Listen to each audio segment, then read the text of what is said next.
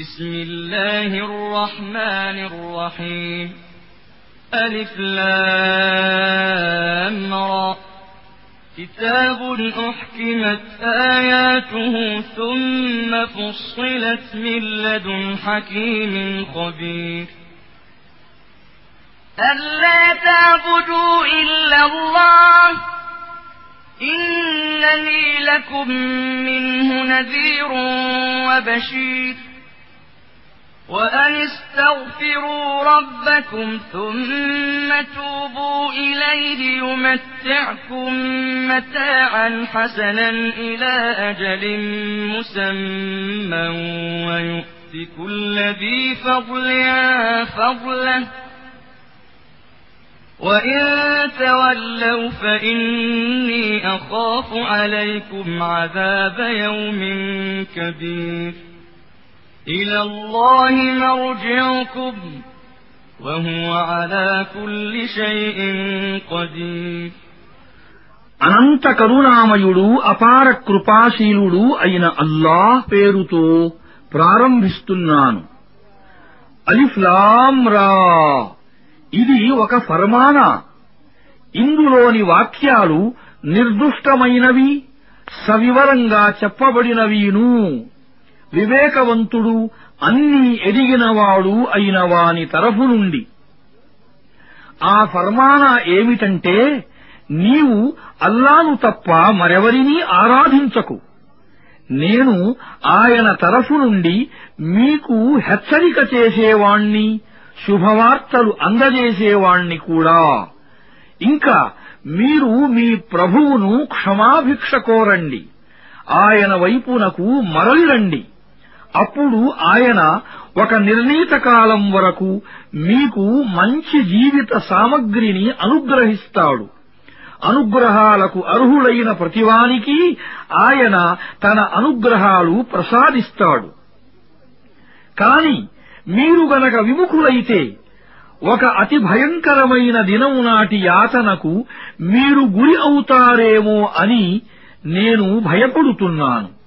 మీరందరూ అల్లా వైపునకే మరలవలసి ఉన్నది ఆయన సర్వమూ చెయ్యగల సమర్థుడు ألا إنهم يثنون صدورهم ليستخفوا منه ألا حين يستغشون ثيابهم يعلم ما يسرون وما يعلنون إنه عليم بذات الصدور చూడండి వారు తమ వక్షములను తిప్పుకుంటారు అతని నుండి దాక్కుందామని జాగ్రత్త వారు బట్టలతో తమను తాము కప్పుకున్నప్పటికీ అల్లాహ్ వారి గుప్త విషయాలను ఎరుగును వారి బహిరంగ విషయాలను ఎరుగును ఆయన హృదయాలలో ఉన్న రహస్యాలను కూడా ఎరుగును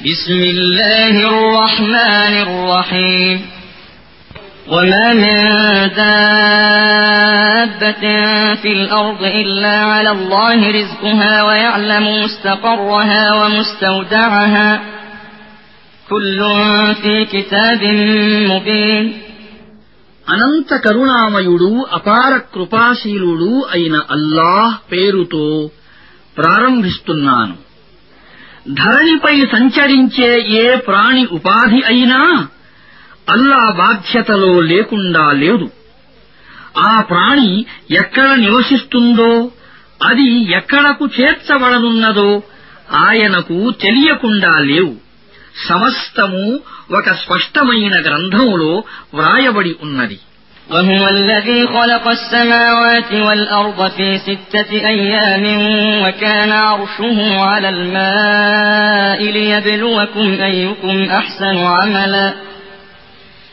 ولئن قلت إنكم مبعوثون من بعد الموت ليقولن الذين كفروا إن هذا إلا سحر مبين ولئن أخرنا عنهم العذاب إلى أمة معدودة ليقولن ما يحبسه ألا يوم يأتيهم ليس مصروفا عنهم وحاق بهم ما كانوا به يستهزئون ఆకాశాలను భూమిని ఆరు దినాలలో సృష్టించినవాడు ఆయనే దానికి పూర్వం ఆయన సింహాసనం నీళ్లపై ఉండేది మీలో ఎవడు మంచి పనులు చేస్తాడో మిమ్మల్ని పరీక్షించి చూద్దామని.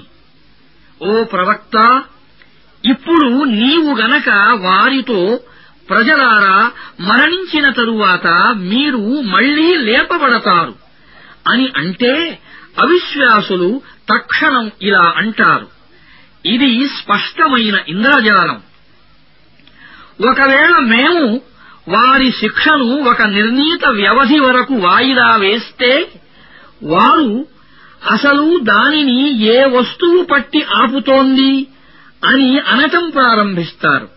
వినండి ఆ శిక్షా సమయం వచ్చే రోజున దానిని ఎవరూ మరలించలేరు. వారు ఎగతాళి చేస్తూ ఉన్నదే వారిని చుట్టుముట్టుతుంది. ولئن أذقنا الإنسان منا رحمة ثم نزعناها منه إنه ليئوس كفور ولئن أذقناه نعماء بعد ضراء مسته ليقولن ذهب السيئات عني إنه لفرح فخور إلا الذين صبروا وعملوا الصالحات أولئك لهم مغفرة وأجر كبير ఒకవేళ మేము ఎప్పుడైనా మానవునికి మా కారుణ్యాన్ని ప్రసాదించి తరువాత అది అతనికి లేకుండా చేస్తే అతడు నిరాశ చెందుతాడు కృతజ్ఞత చూపుతాడు అతనిపై పడిన ఆపద తొలగిన తరువాత ఒకవేళ మేము అతనికి అనుగ్రహాన్ని రుచి చూపిస్తే కష్టాలన్నీ తొలగిపోయాయి అని అంటాడు. అతడు తరువాత ఉబ్బి తబ్బిబ్బవుతాడు విర్రవీగుతాడు. సహనశీలురు సత్కార్యపరులు అయిన వారు మాత్రమే ఈ దోషానికి అతీతులు. వారికే మన్నింపు పెద్ద బహుమానమును. فلعلك تارك بعض ما يوحى إليك وضائق به صدرك أن يقولوا لولا أنزل عليه كنز أو جاء معه ملك إنما أنت نذير والله على كل شيء وكيل प्रवक्ता وهي द्वारा నీకు తెలుపబడుతూ ఉన్న విషయాలలో దేనినైనా ప్రకటించకుండా వదిలిపెట్టబోకుము సుమా వారు ఈ వ్యక్తిపై ఏదైనా నిధి ఎందుకు దింపబడలేదు? లేదా ఇతనితో పాటు దైవదూత ఎవడైనా ఎందుకు రాలేదు? అని అంటారని నీ మనస్సు బాధపడకూడదు. నీవు కేవలం హెచ్చరిక చేసేవాడవు. ఆపై అన్నింటికీ అల్లాయే బాధ్యుడు أم يقولون افتراه قل فأتوا بعشر سور مثله مفتريات وادعوا من استطعتم من دون الله إن كنتم صادقين فإن لم يستجيبوا لكم فاعلموا أنما أنزل بعلم الله وأن لا إله إلا هو فهل أنتم مسلمون ప్రవక్తయే స్వయంగా ఈ గ్రంథాన్ని కల్పించాడని వారు అంటున్నారా? ఇలా అను. సరే విషయం గనక ఇదే అయితే ఇటువంటి కల్పించబడిన పది సూరాలను మీరు రచించి తీసుకురండి. అల్లాను తప్ప మీ ఆరాధ్య దైవాలలో ఎవరినైనా సరే సహాయం కొరకు పిలువగలిగితే పిలుచుకోండి. మీరే గనక సత్యవంతులే అయితే. ఇప్పుడు ఒకవేళ వారు మీ సహాయం కొరకు రాలేకపోతే తెలుసుకోండి ఈ గ్రంథం అల్లా ఎరుకతోనే అవతరించిందని. అల్లా తప్ప నిజమైన దేవుడు మరొకడు లేడని. ఇప్పుడైనా మీరు ఈ సత్య విషయాన్ని శిరసా వహిస్తారా? من كان يريد الحياة الدنيا وزينتها نوف إليهم أعمالهم فيها وهم فيها لا يبخسون. أولئك الذين ليس لهم في الآخرة إلا النار. وحبط ما صنعوا فيها وباطل ما كانوا يعملون. కేవలం ఈ ప్రాపంచిక జీవితాన్ని దాని ఆకర్షకాలను కోరుకునేవారు చేసిన పనులకు పూర్తి ప్రతిఫలాన్ని మేము వారికి ఇక్కడనే ఇచ్చేస్తాము ఇందులో వారికి తక్కువ చెయ్యటం అంటూ జరగదు. అయితే పరలోకంలో అటువంటి వారికి అగ్ని తప్ప మరేమీ ఉండదు. అక్కడ తెలిసిపోతుంది వారు ప్రపంచంలో చేసినదంతా మట్టిలో కలసిపోయిందని వారు చేసినదంతా కేవలం మిథ్య అని أفمن كان على بينة من ربه ويتلوه شاهد منه ومن قبله كتاب موسى إماما ورحمة أولئك يؤمنون به ومن يكفر به من الأحزاب فالنار موعده فلا تك في مرية منه إنه الحق من ربك ولكن أكثر الناس لا يؤمنون ఒక వ్యక్తి తన ప్రభువు తరఫు నుండి వచ్చిన ఒక స్పష్టమైన నిదర్శనాన్ని కలిగి ఉన్నాడు ఆపై ప్రభువు తరఫు నుండి ఆ నిదర్శనాన్ని బలపరుస్తూ ఒక సాక్షి కూడా వచ్చింది. ఆ వ్యక్తికి పూర్వం మార్గదర్శకంగా కారుణ్యంగా వచ్చిన మూసా గ్రంథం కూడా ఉన్నది.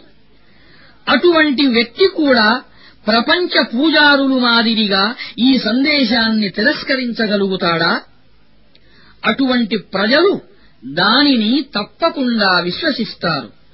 మానవ వర్గాలలో ఏ వర్గమైనా సరే దానిని తిరస్కరిస్తే దానికి వాగ్దానం చెయ్యబడిన నివాస స్థానం నరకము కనుక ప్రవక్త దాని విషయంలో నీవు ఏ సంశయానికి లోను కావద్దు అది నీ ప్రభువు తరఫు నుండి వచ్చిన సత్యము కాని చాలామంది నమ్మరు ومن أظلم ممن افترى على الله كذبا أولئك يعرضون على ربهم ويقول الأشهاد هؤلاء الذين كذبوا على ربهم ألا لعنة الله على الظالمين الذين يصدون عن سبيل الله ويبغونها عوجا وهم بالآخرة هم كافرون أولئك لم يكونوا معجزين في الأرض وما كان لهم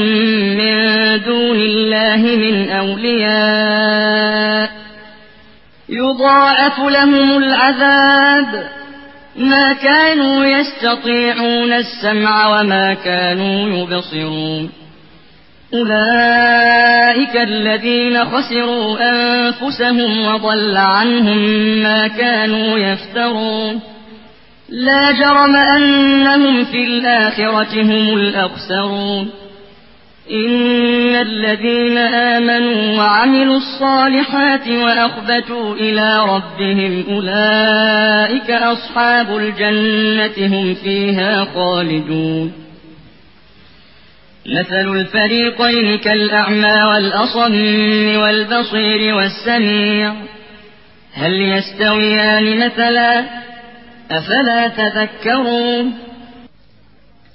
అల్లాకు అబద్ధం అంటగట్టేవాడి కంటే పరమ దుర్మార్గుడెవడు అటువంటి వారు అల్లా సమక్షంలో హాజరవుతారు తమ ప్రభువునకు అబద్ధాన్ని అంటగట్టిన వారు వారే అని అప్పుడు సాక్షులు సాక్ష్యం చెబుతారు.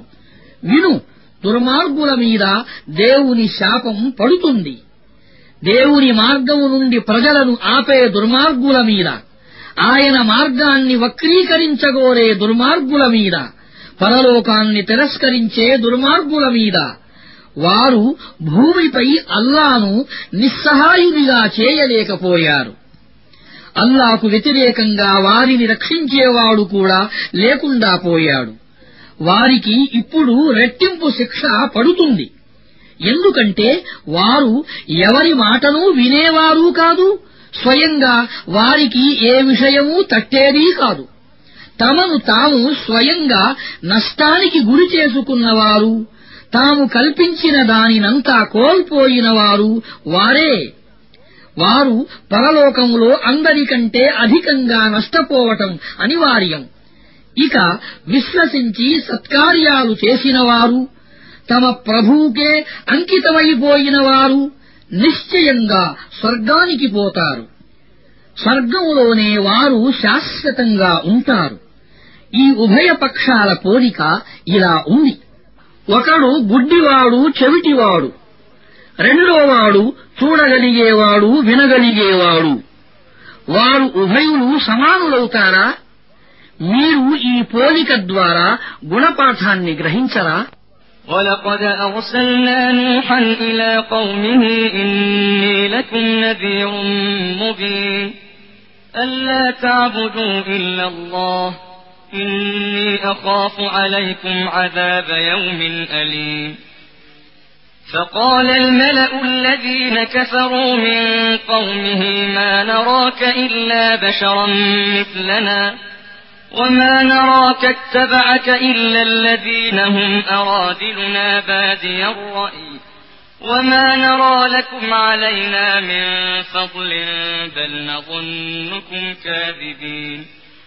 قال يا قوم أرأيتم إن كنت على بينة من ربي وآتاني رحمة من عنده وآتاني رحمة من عنده فعميت عليكم أنلزمكموها وأنتم لها كارهون ويا قوم لا أسألكم عليه مالا إن أجري إلا على الله وما أنا بطارد الذين آمنوا إنهم ملاقو ربهم ولكني أراكم قوما تجهلون ويا قوم من ينصرني من الله إن طردتهم أفلا تذكرون ولا أقول لكم عندي خزائن الله ولا أعلم الغيب ولا أقول إني ملك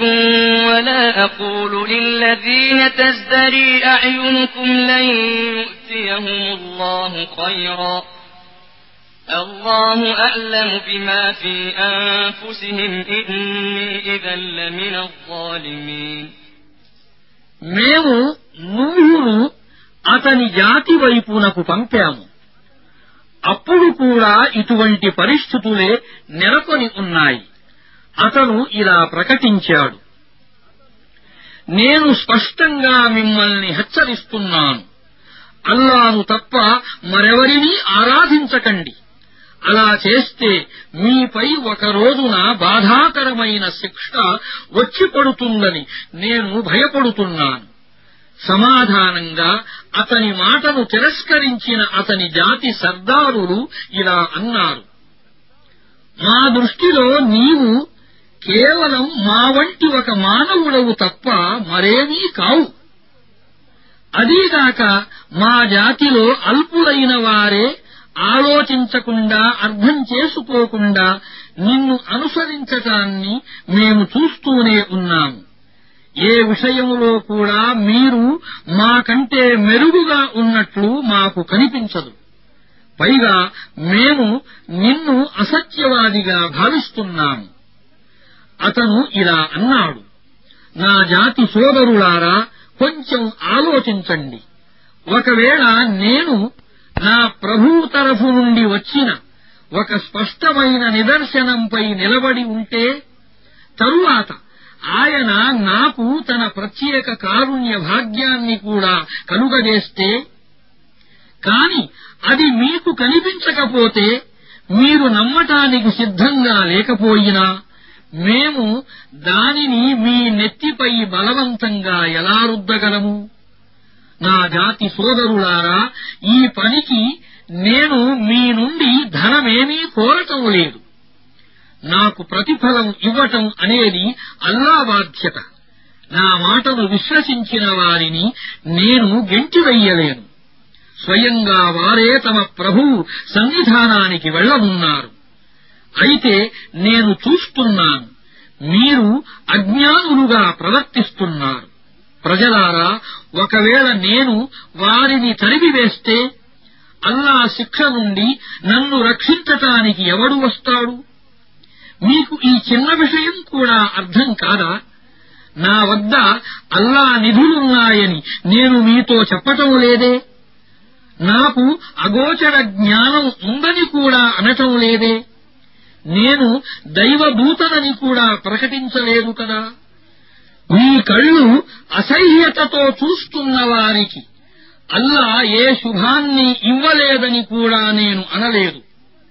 వారి మనస్సులలో ఏమి ఉన్నదో అల్లాకే బాగా తెలుసు ఒకవేళ అలా అంటే నేను దుర్మార్గుడనే قالوا يا نوح قد جادلتنا فأكثرت جدالنا فأتنا بما تعدنا إن كنت من الصادقين قال إنما يأتيكم به الله إن شاء وما أنتم بمعجزين ولا ينفعكم نصحي إن أردت أن أنصح لكم إن كان الله يريد أن يغويكم هو ربكم وإليه ترجعون చివరకు వారు ఇలా అన్నారు నూహ్ నీవు మాతో వాదించావు.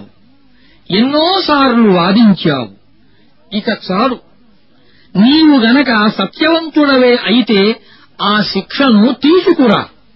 దానిని గురించి నీవు మమ్మల్ని బెదరిస్తున్నావు. నూహు ఇలా జవాబు పలికాడు. దానిని అల్లాయే తీసుకువస్తాడు. ఆయన గనక కోరితే దానిని నిరోధించే సామర్థ్యం మీకు లేదు అల్లాయే మిమ్మల్ని మార్గభ్రష్టులుగా చెయ్యాలని సంకల్పించుకున్నప్పుడు నేను ఇప్పుడు మీ శ్రేయస్సును ఎంతగా కోరినా నా శ్రేయోభిలాష మీకు ఏ లాభాన్ని చేకూర్చలేదు ఆయనే మీ ప్రభువు ఆయన వైపునకే మీరు మరలవలసి ఉన్నది أم يقولون افتراه قل إن افتريته فعلي إجرامي وأنا بريء مما تجرمون ప్రవక్త ఇదంతా స్వయంగా అతనే కల్పించాడని వారు అంటున్నారా వారికి ఇలా చెప్పు ఒకవేళ నేనే స్వయంగా దీనిని కల్పించి ఉన్నట్లయితే ఆ నేరం యొక్క బాధ్యత నాపై ఉన్నది మీరు చేస్తూ ఉన్న నేరం బాధ్యతతో నాకు ఏ సంబంధమూ లేదు وأوحي إلى نوح أنه لن يؤمن من قومك إلا من قد آمن فلا تبتئس بما كانوا يفعلون واصنع الفلك بأعيننا ووحينا ولا تخاطبني في الذين ظلموا إنهم مغرقون నూహుకు వహీ ద్వారా ఇలా తెలుపబడింది. నీ జాతిలో విశ్వసించేవారు ఇదివరకే విశ్వసించారు. ఇక కొత్తగా విశ్వసించేవారెవరూ లేరు. వారి అకృత్యాలకు బాధపడటం మానుకో. మా పర్యవేక్షణలో మా వహీకి అనుగుణంగా ఒక పడవను తయారు చెయ్యి.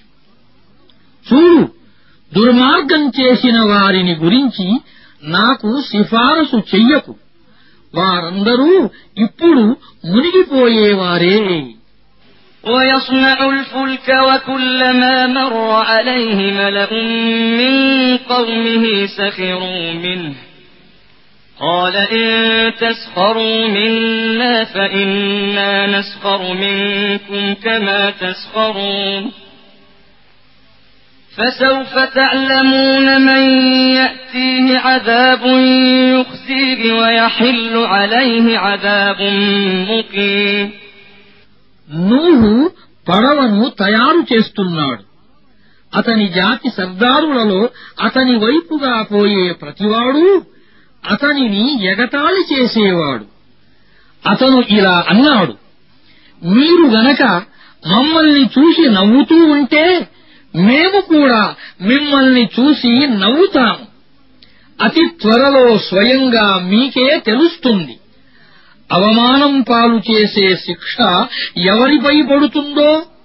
తొలగించిన తొలగని ఆపద ఎవరిపై విరుచుకుపడుతుందో حتى إذا جاء أمرنا وفارت النور قل نحمل فيها من كل زوجين اثنين وأهلك إلا قل نحمل فيها من كل زوجين اثنين وأهلك إلا من سبق عليه القول ومن آمن وما آمن معه إلا قليل وقال اركبوا فيها بسم الله مجريها ومرساها إن ربي لغفور رحيم చివరకు మా ఆజ్ఞ వచ్చేసినప్పుడు పొయ్యి పొంగింది అప్పుడు మేము ఇలా అన్నాము ప్రతి జాతి నుండి ఒక్కొక్క జంటను పడవలోకి ఎక్కించు నీ ఇంటి వారిని కూడా ఇదివరకే సూచింపబడిన వ్యక్తులు తప్ప ఇందులోకి ఎక్కించు. ఇంకా విశ్వాసులను కూడా ఎక్కించుకో. నూహుతో పాటు విశ్వసించిన వారు చాలా కొద్దిమంది మాత్రమే. నూహు ఇలా అన్నాడు. ఇందులోకి ఎక్కండి. అల్లా పేరుతోనే దాని పయనం కూడా దాని ఆగటం కూడా.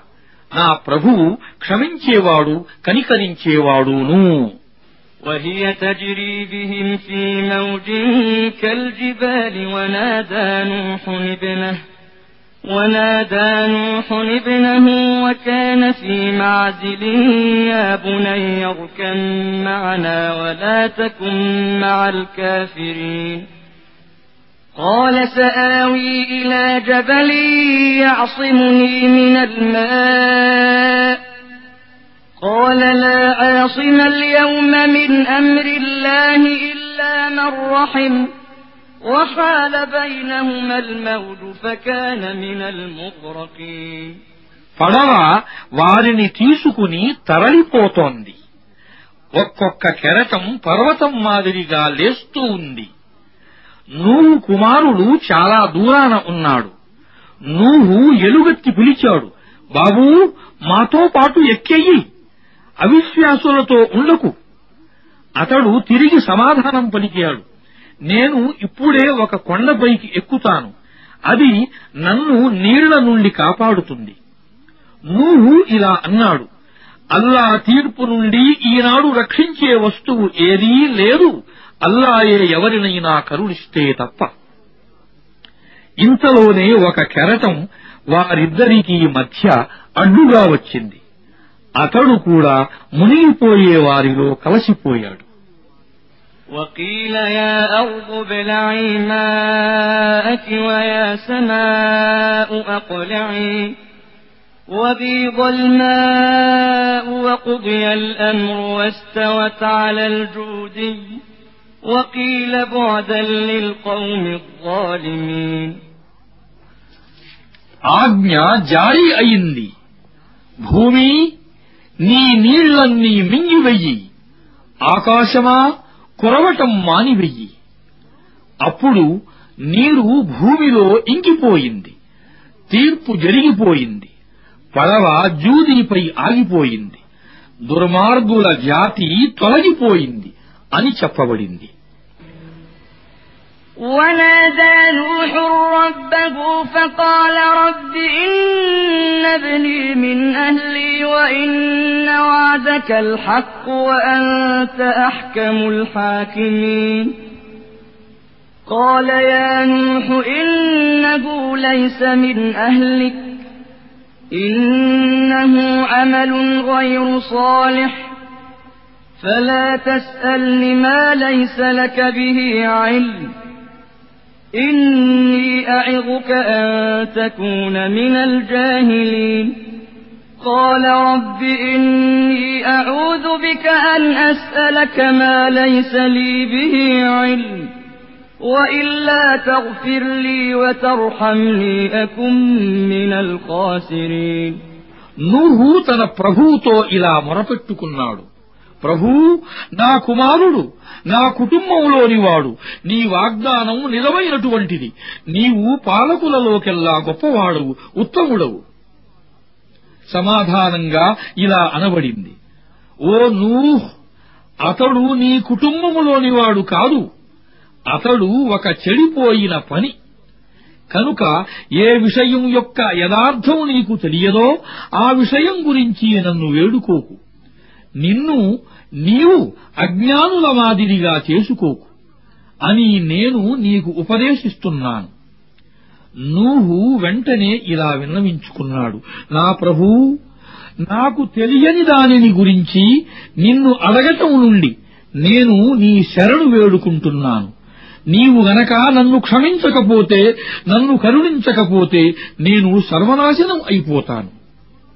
قيل يا نوح اهبط بسلام منا وبركات عليك وعلى أمم ممن معك وأمم سنمتعهم ثم يمسهم منا عذاب أليم ఇలా ఆజ్ఞ ఇవ్వబడింది నూహ్ దిగిపో నీపై నీతో పాటు ఉన్న వర్గాలపై మా తరఫు నుండి శాంతి శుభాలు కలుగుగాక కొన్ని వర్గాలకు మేము కొంతకాలం వరకు జీవన సామగ్రిని ప్రసాదిస్తాము తరువాత మా తరఫు నుండి వ్యధాభరితమైన శిక్ష వారిపై పడుతుంది تلك من أنباء الغيب نوحيها إليك ما كنت تعلمها أنت ولا قومك من قبل هذا فاصبر إن العاقبة للمتقين ప్రవక్త ఇవి అగోచర సమాచారాలు వాటిని మేము నీకు వహీ ద్వారా తెలుపుతున్నాము ఇంతకు పూర్వం నీవు గాని నీ జాతివారు గాని వాటిని ఎరుగరు కనుక ఓర్పు వహించు ఫలితం భయభక్తులు కలవారినే వరిస్తుంది وإلى عاد أخاهم هودا قال يا قوم اعبدوا الله ما لكم من إله غيره إن أنتم إلا مفترون يا قوم لا أسألكم عليه أجرا إن أجري إلا على الذي فطرني أفلا تعقلون ويا قوم استغفروا ربكم ثم توبوا إليه يرسل السماء عليكم مدرارا ويزدكم قوة إلى قوتكم ويزدكم قوة إلى قوتكم ولا تتولوا مجرمين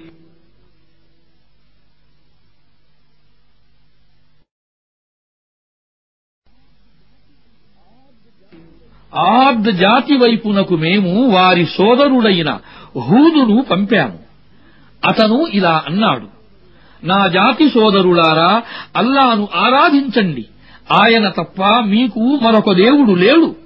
మీరు సృష్టించినటువంటిది కేవలం అబద్ధమే. నా జాతి సోదరులారా ఈ పనికై నేను మీ నుండి ఏ ప్రతిఫలాన్ని కోరను? నాకు ప్రతిఫలం ఇవ్వటం నన్ను సృష్టించిన వాని బాధ్యత. మీరు తెలివిని ఏమాత్రం ఉపయోగించరా? నా జాతి ప్రజలారా మీ ప్రభువును క్షమాభిక్ష కోరండి. ఆయన వైపునకు పశ్చాత్తాపంతో మరలండి.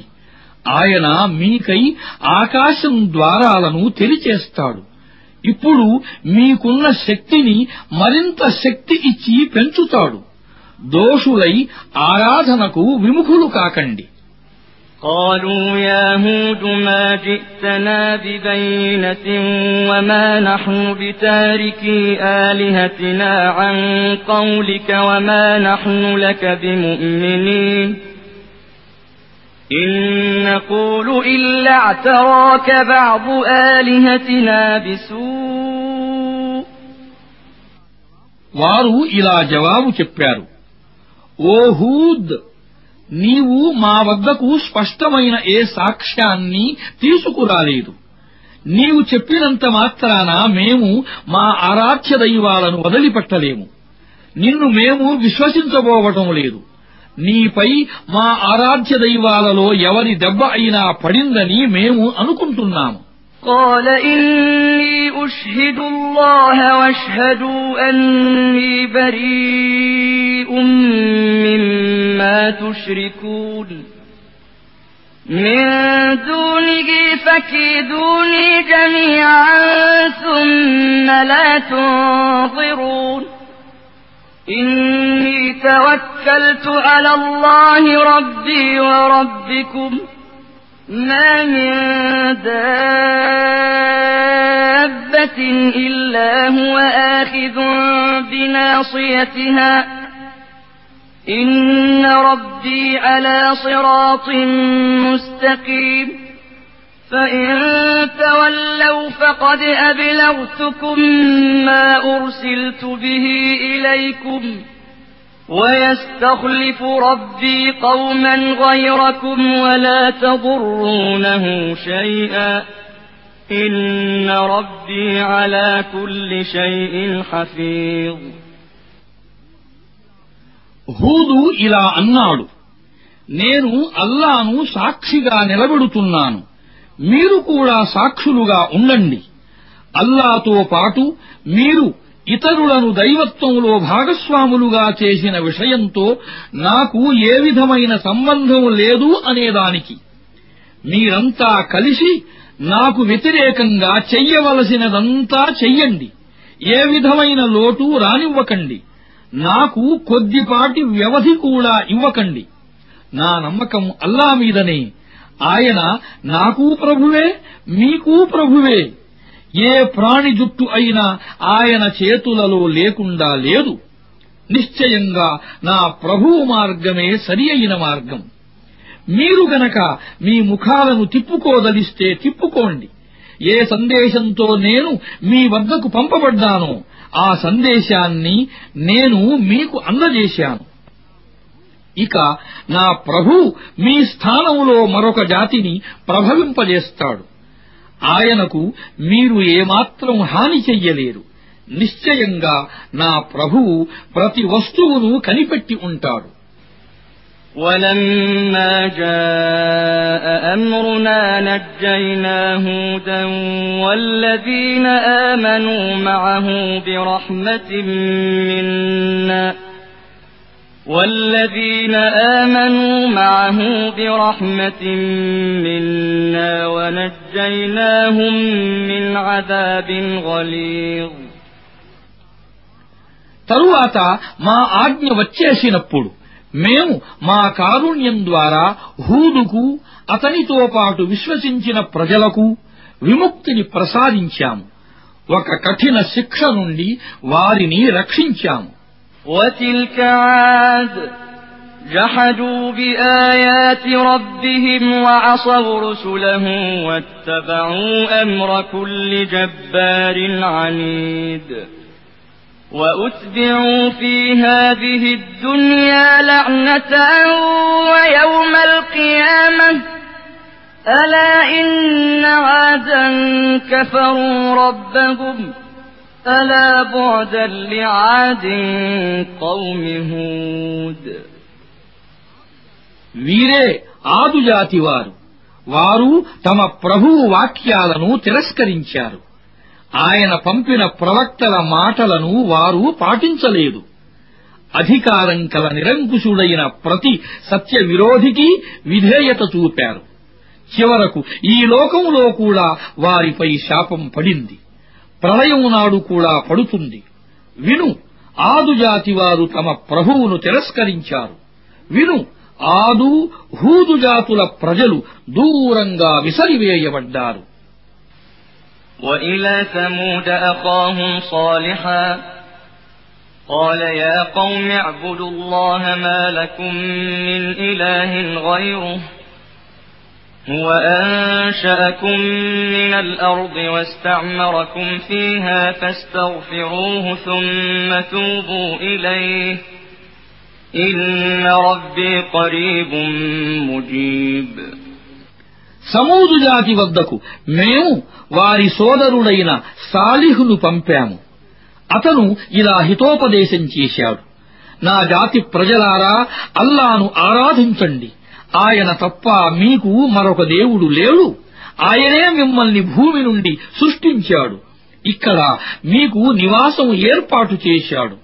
కనుక మీరు ఆయనను క్షమాభిక్ష కోరండి ఆయన వైపునకు పశ్చాత్తాపంతో మరలిరండి. నిశ్చయంగా నా ప్రభువు దగ్గరలోనే ఉన్నాడు. ఆయన ప్రార్థనలకు సమాధానం కూడా ఇస్తాడు.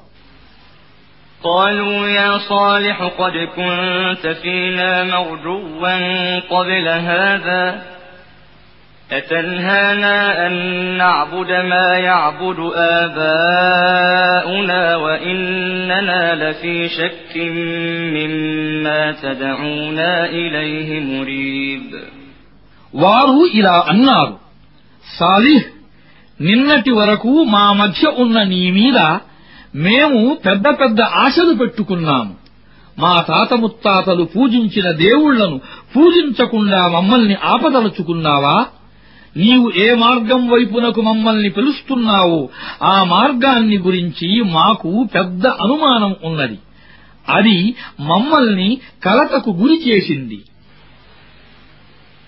قال يا قوم أرأيتم إن كنت على بينة من ربي وآتاني منه رحمة فمن ينصرني من الله إن عصيته فما تزيدونني غير تقصير.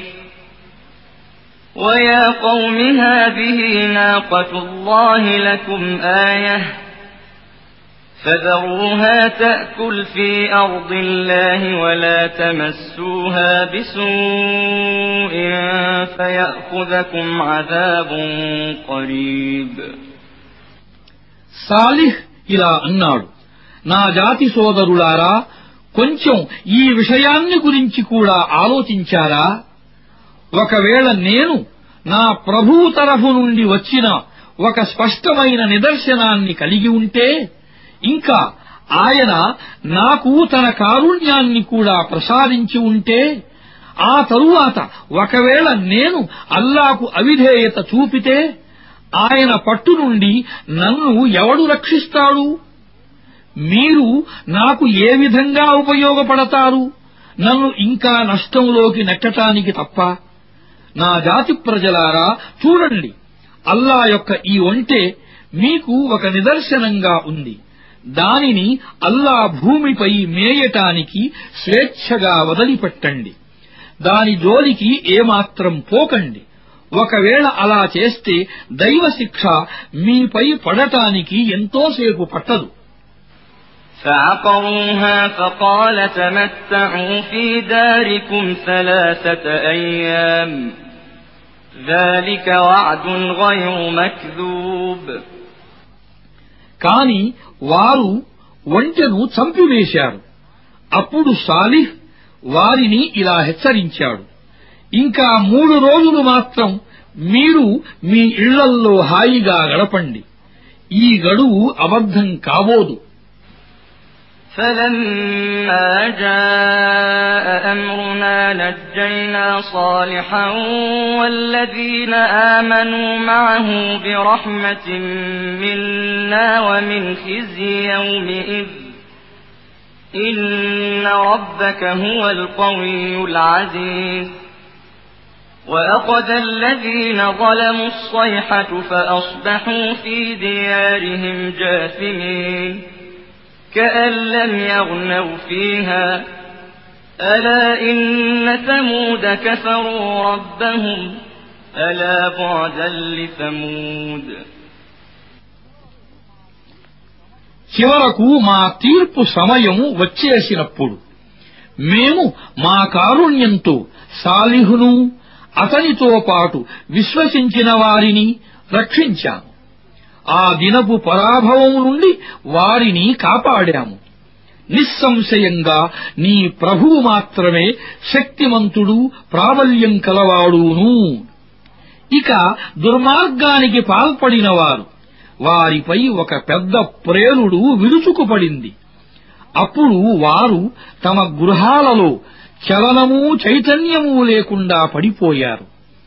అసలు వారు ఎప్పుడూ అక్కడ నివసించనేలేదన్నట్లుగా విను సమూదు జాతి వారు తమ ప్రభువును తిరస్కరించారు విను సమూదు జాతి వారు దూరంగా విసరివెయ్యబడ్డారు ولقد جاءت رسلنا إبراهيم بالبشرى قالوا سلاما قال سلام فما لبث أن جاء بعجل حنيذ فلما رأى أيديهم لا تصل إليه نكرهم وأوجس منهم خيفة قالوا لا تخف إنا أرسلنا إلى قوم لوط وامرأته قائمة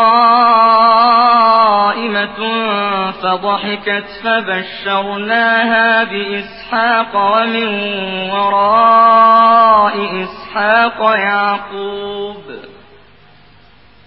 قالت يا ويلتى أألد وأنا عجوز وهذا بعلي شيخا إن هذا لشيء عجيب. قالوا أتعجبين من أمر الله رحمة الله وبركاته عليكم أهل البيت إنه حميد مجيد చూడు ఇబ్రాహీము వద్దకు మా దూతలు శుభవార్తను తీసుకుని చేరారు మీకు సలాం అని వారు అన్నారు మీకు సలాం అని ఇబ్రాహీము బదులు పలికాడు. ఆ తరువాత కొద్దిసేపటికే ఇబ్రాహీము వేపిన ఆవు దూడను వారి ఆతిథ్యానికి తీసుకొని వచ్చాడు. కాని వారి చేతులు భోజనం మీదకు పోకుండా ఉండటాన్ని చూసి ఆయన వారిని శంకించాడు.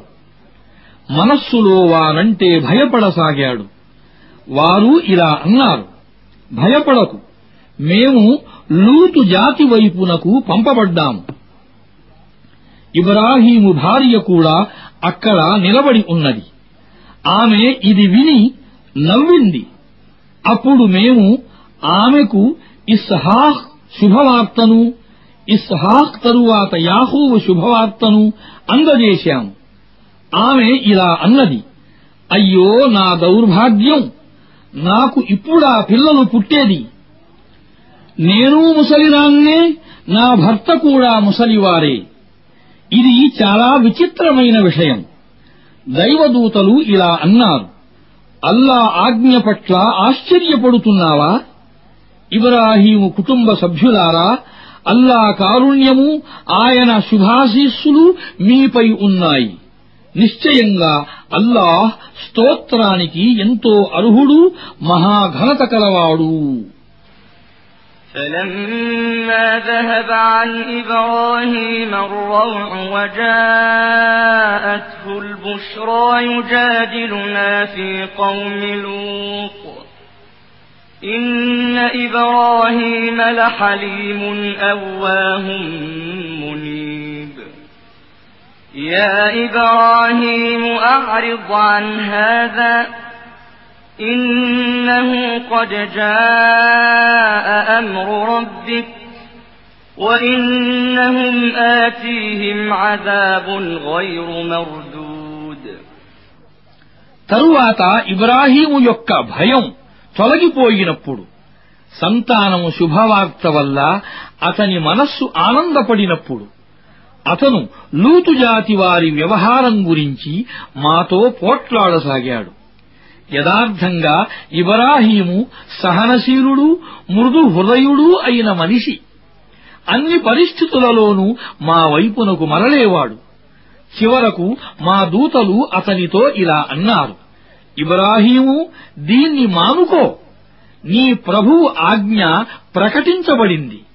ఇక వారిపై ఆ శిక్ష వచ్చి పడటం తథ్యం అది ఎవరు మరలించినా మరలదు ولما جاءت رسلنا لوطا سيء بهم وضاق بهم ذرعا وقال هذا يوم عصيب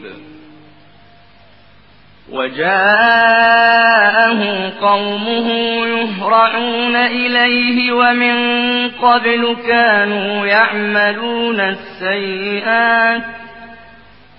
قال يا قوم هؤلاء بناتي هن أطهر لكم. فاتقوا الله ولا تخزون في ضيفي. أليس منكم رجل رشيد؟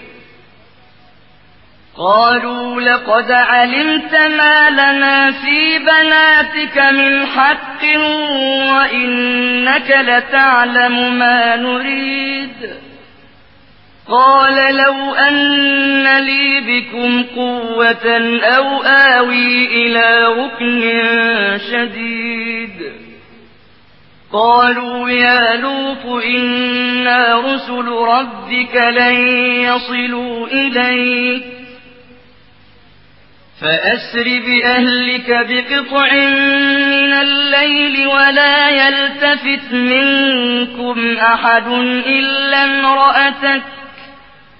إنه مصيبها ما أصابهم. إن موعدهم الصبح.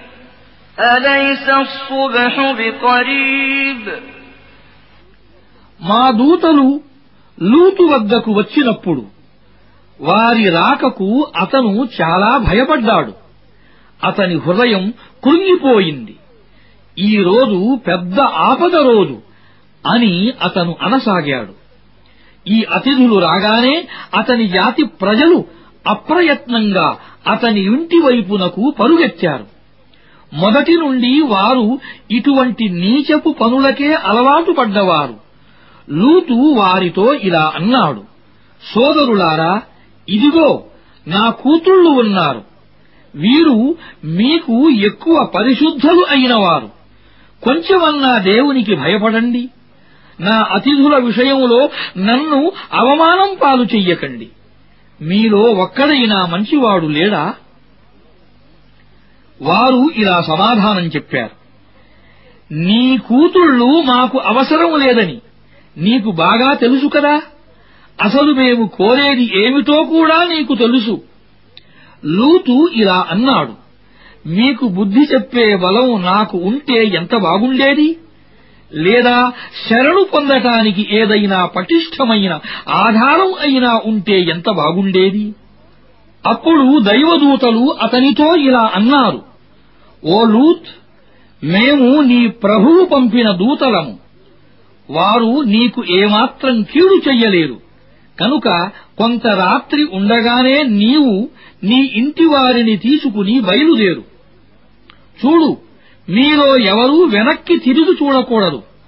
కాని నీ భార్య నీతో రాకూడదు. ఎందుకంటే వారికి ఏది జరుగనున్నదో అదే ఆమెకు జరుగుతుంది.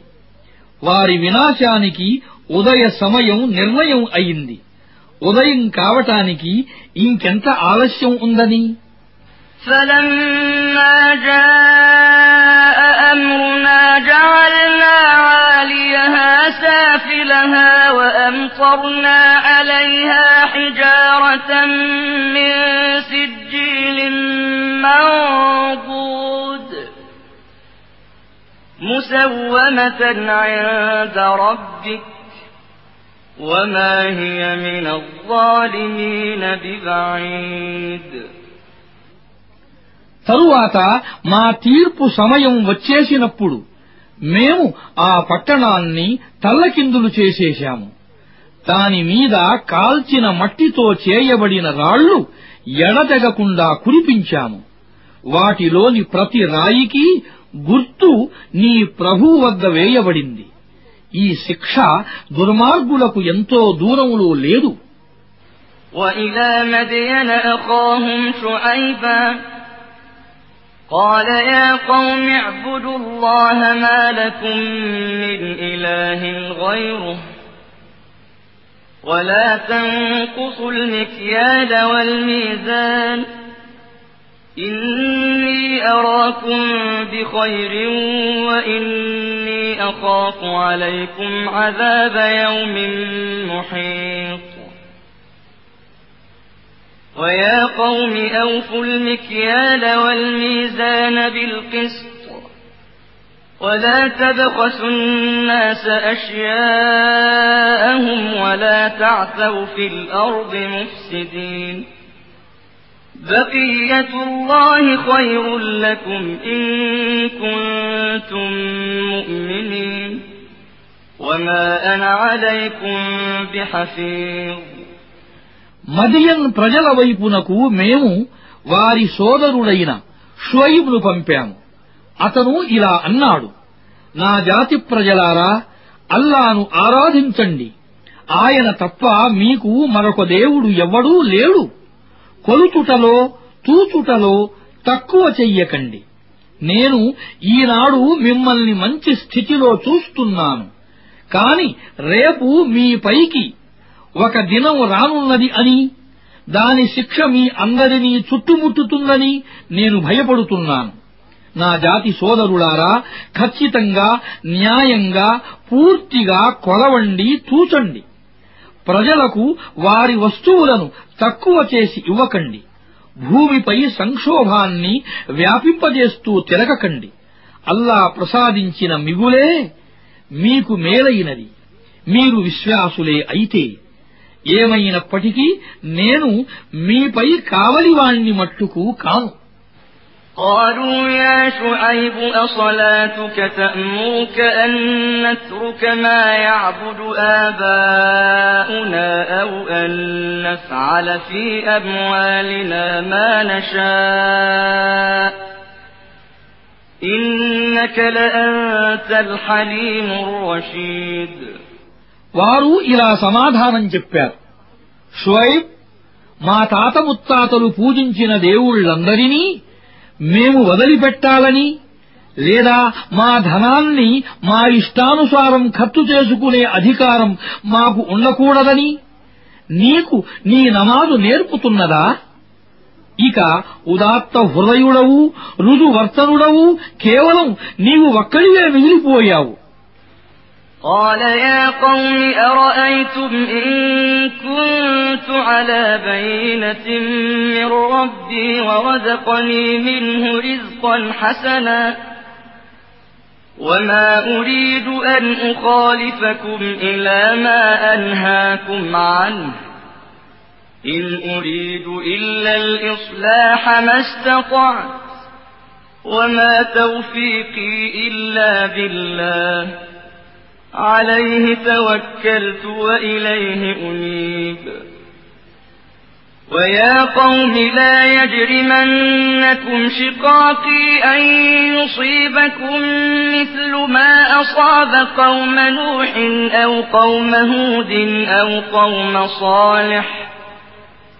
وما قوم لوط منكم ببعيد.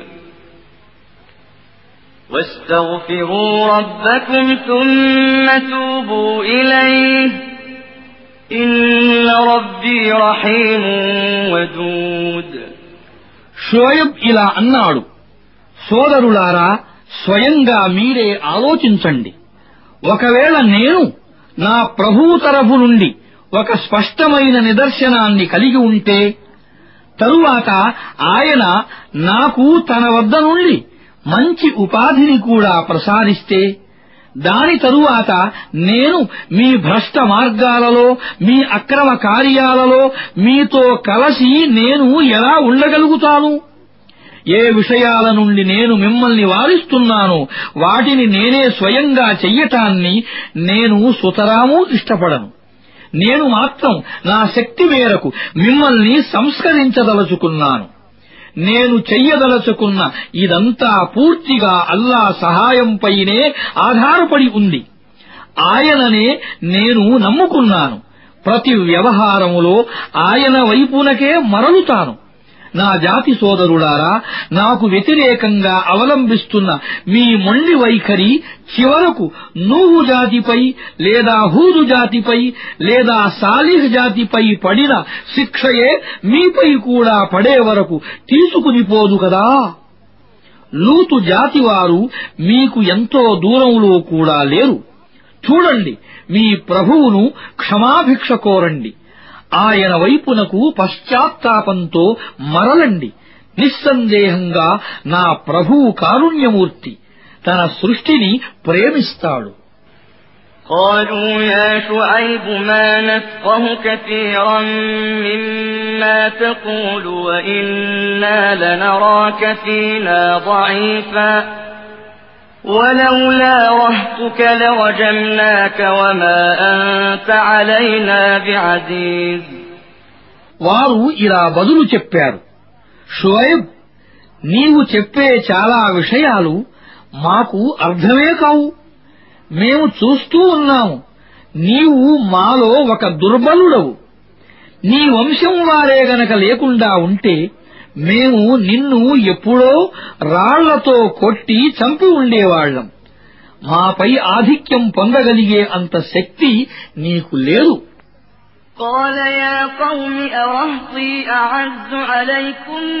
من الله واتخذتموه وراءكم ظهريا إن ربي بما تعملون محيط ويا قوم اعملوا على مكانتكم إني عامل سوف تعلمون من يأتيك عذاب يخزيك ومن هو كاذب وارتقبوا إني معكم رقيب షోయబ్ ఇలా అన్నాడు సోదరులారా మా వంశం వారు మీపై అల్లా కంటే ఎక్కువ ఆధిక్యం కలవారా మీరు మా వంశం వారికి భయపడ్డారు కాని అల్లాను మాత్రం పూర్తిగా వెనక్కు నెట్టేశారు.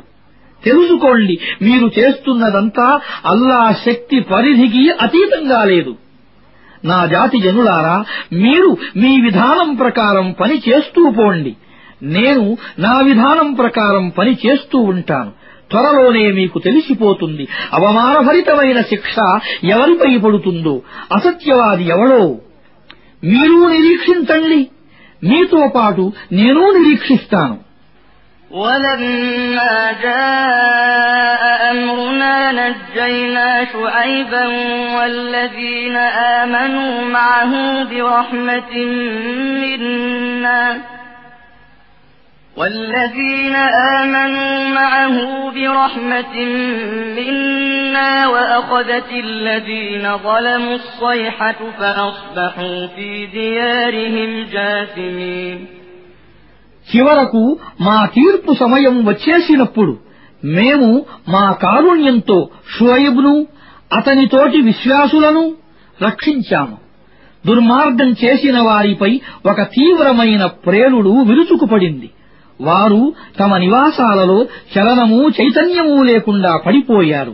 అక్కడ వారు ఎప్పుడూ నివసించి ఉండలేదన్నట్లుగా كأن لم يغنوا فيها ألا بعدا لمدين كما بعدت ثمود విను సమూదు జాతి వారు విసరివేయబడినట్లు మదియన్ వారు కూడా దూరంగా విసరివేయబడ్డారు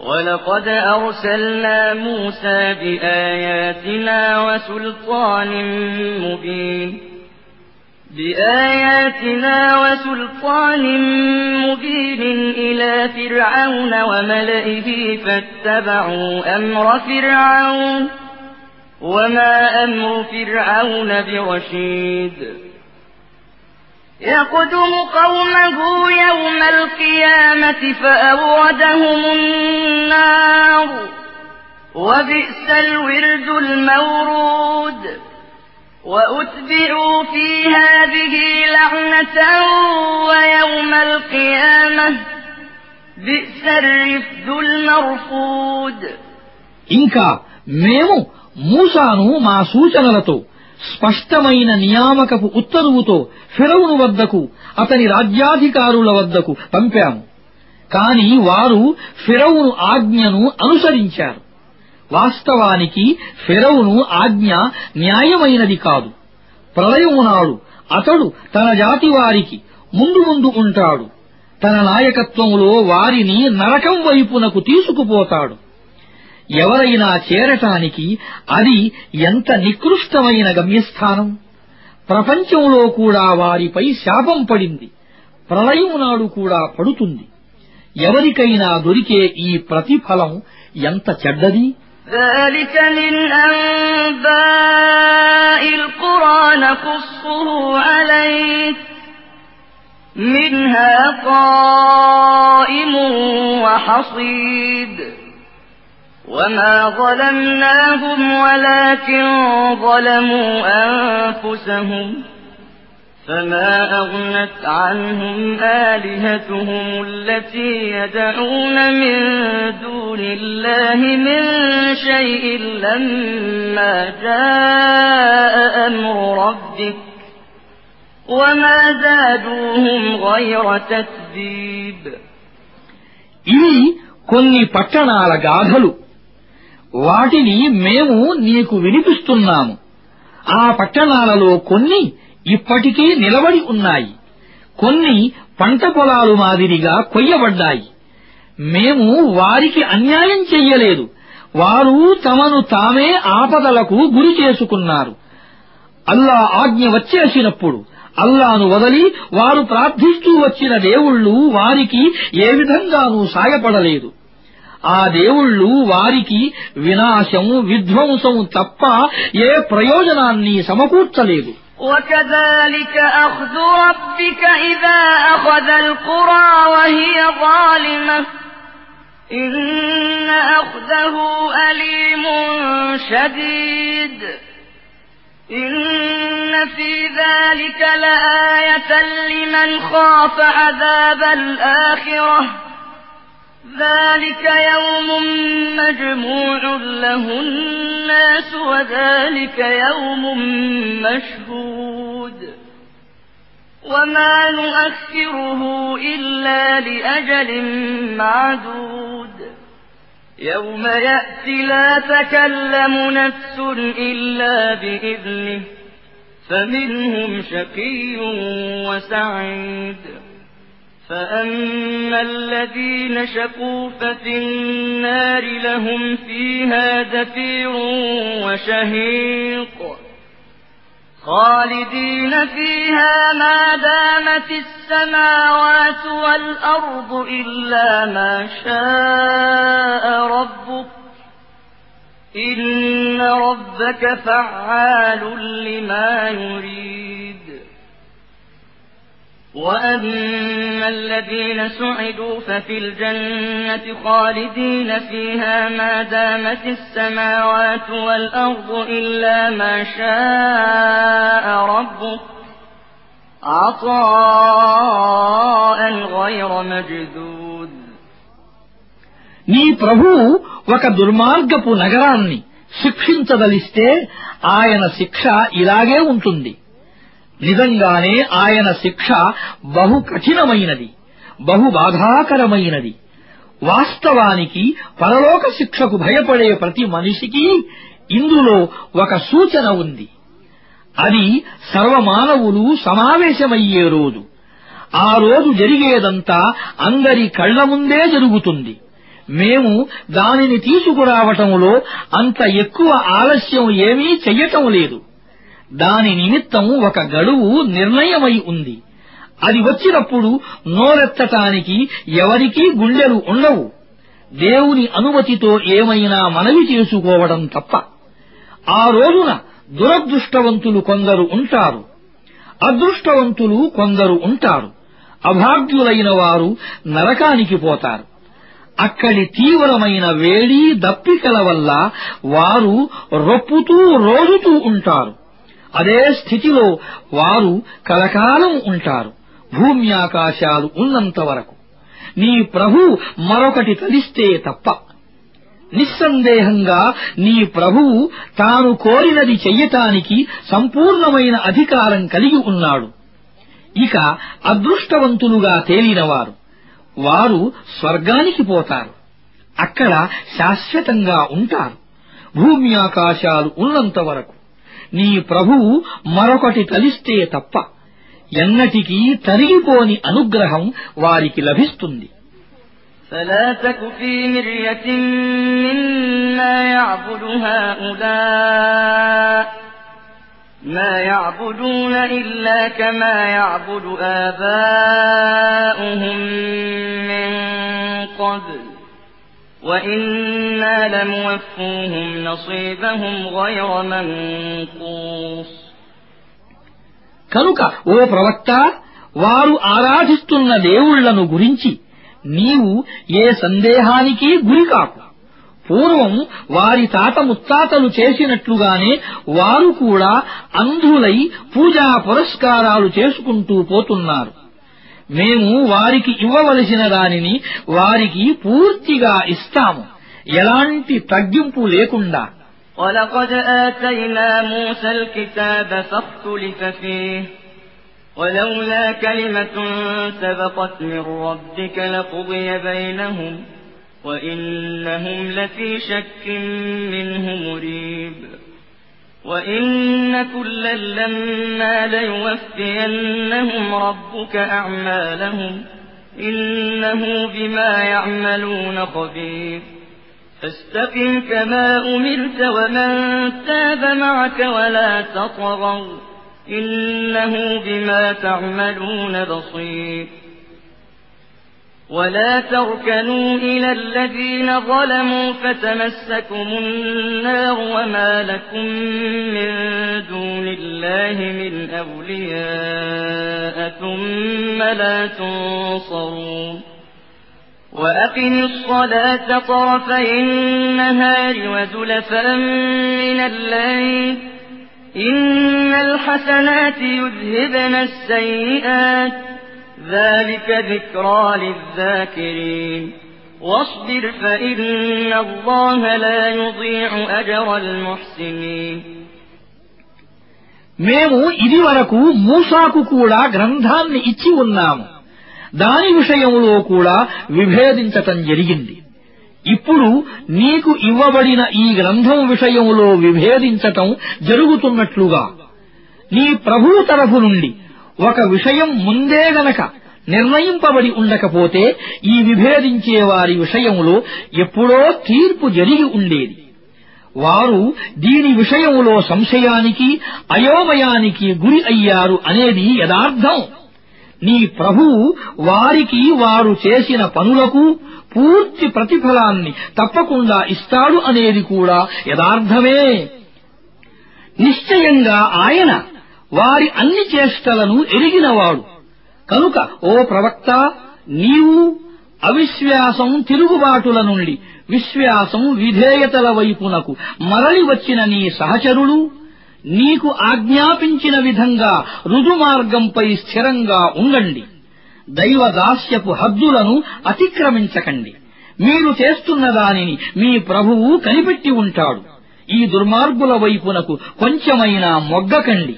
ఒకవేళ మొగ్గినట్లయితే నరకంలో చిక్కుకుపోతారు. మిమ్మల్ని దేవుని నుండి కాపాడగల సహాయకుడు సంరక్షకుడు ఎవ్వడూ మీకు దొరకడు. ఎక్కడి నుండి మీకు సహాయం లభించదు. చూడు నమాజును స్థాపించు. పగటి యొక్క రెండు సరిహద్దు సమయాలలోనూ కొంత రాత్రి గడచిన తరువాతను. వాస్తవానికి సత్కార్యాలు దుష్కార్యాలను దూరం చేస్తాయి. అల్లాను జ్ఞాపకం ఉంచుకునే వారికి ఇది ఒక జ్ఞాపిక ఓర్మి కలిగి ఉండు అల్లాహ్ మంచి చేసేవారి ప్రతిఫలాన్ని ఎన్నటికీ వృధా చెయ్యడు فلولا كان من القرون من قبلكم أولو بقية ينهون عن الفساد في الأرض إلا قليلا ممن أنجينا منهم واتبع الذين ظلموا ما أترفوا فيه وكانوا مجرمين. وما كان ربك ليهلك القرى بظلم وأهلها مصلحون.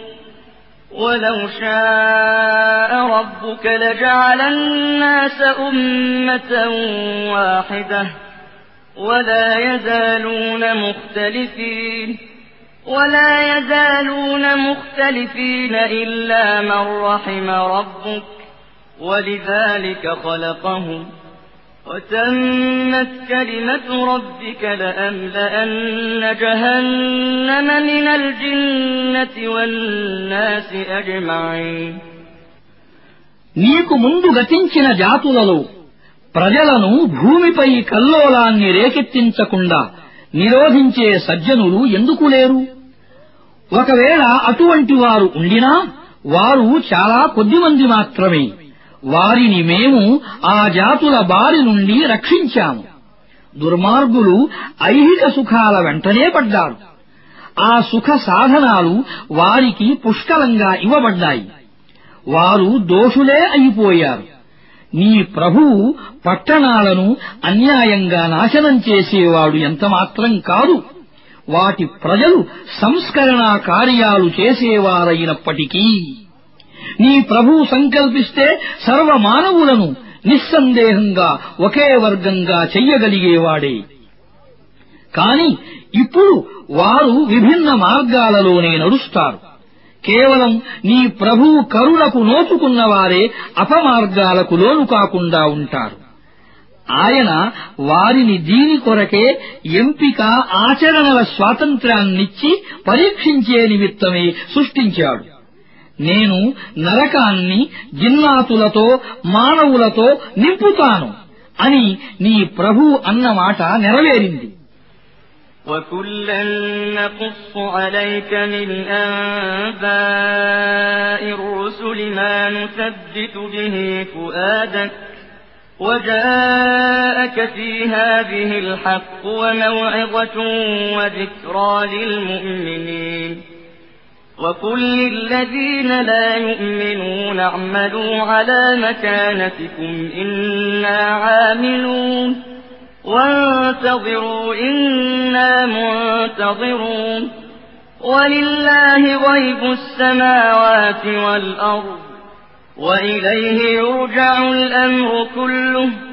فاعبده وتوكل عليه وما ربك بغافل عما تعملون ఓ ప్రవక్త మేము నీకు వినిపిస్తున్న ఈ ప్రవక్తల గాథల ద్వారా నీ హృదయాన్ని శక్తివంతం చేస్తున్నాము వాటి ద్వారా నీకు యథార్థానికి సంబంధించిన జ్ఞానం లభించింది విశ్వాసులకు హితవు జాగృతి పొందే భాగ్యం కలిగింది.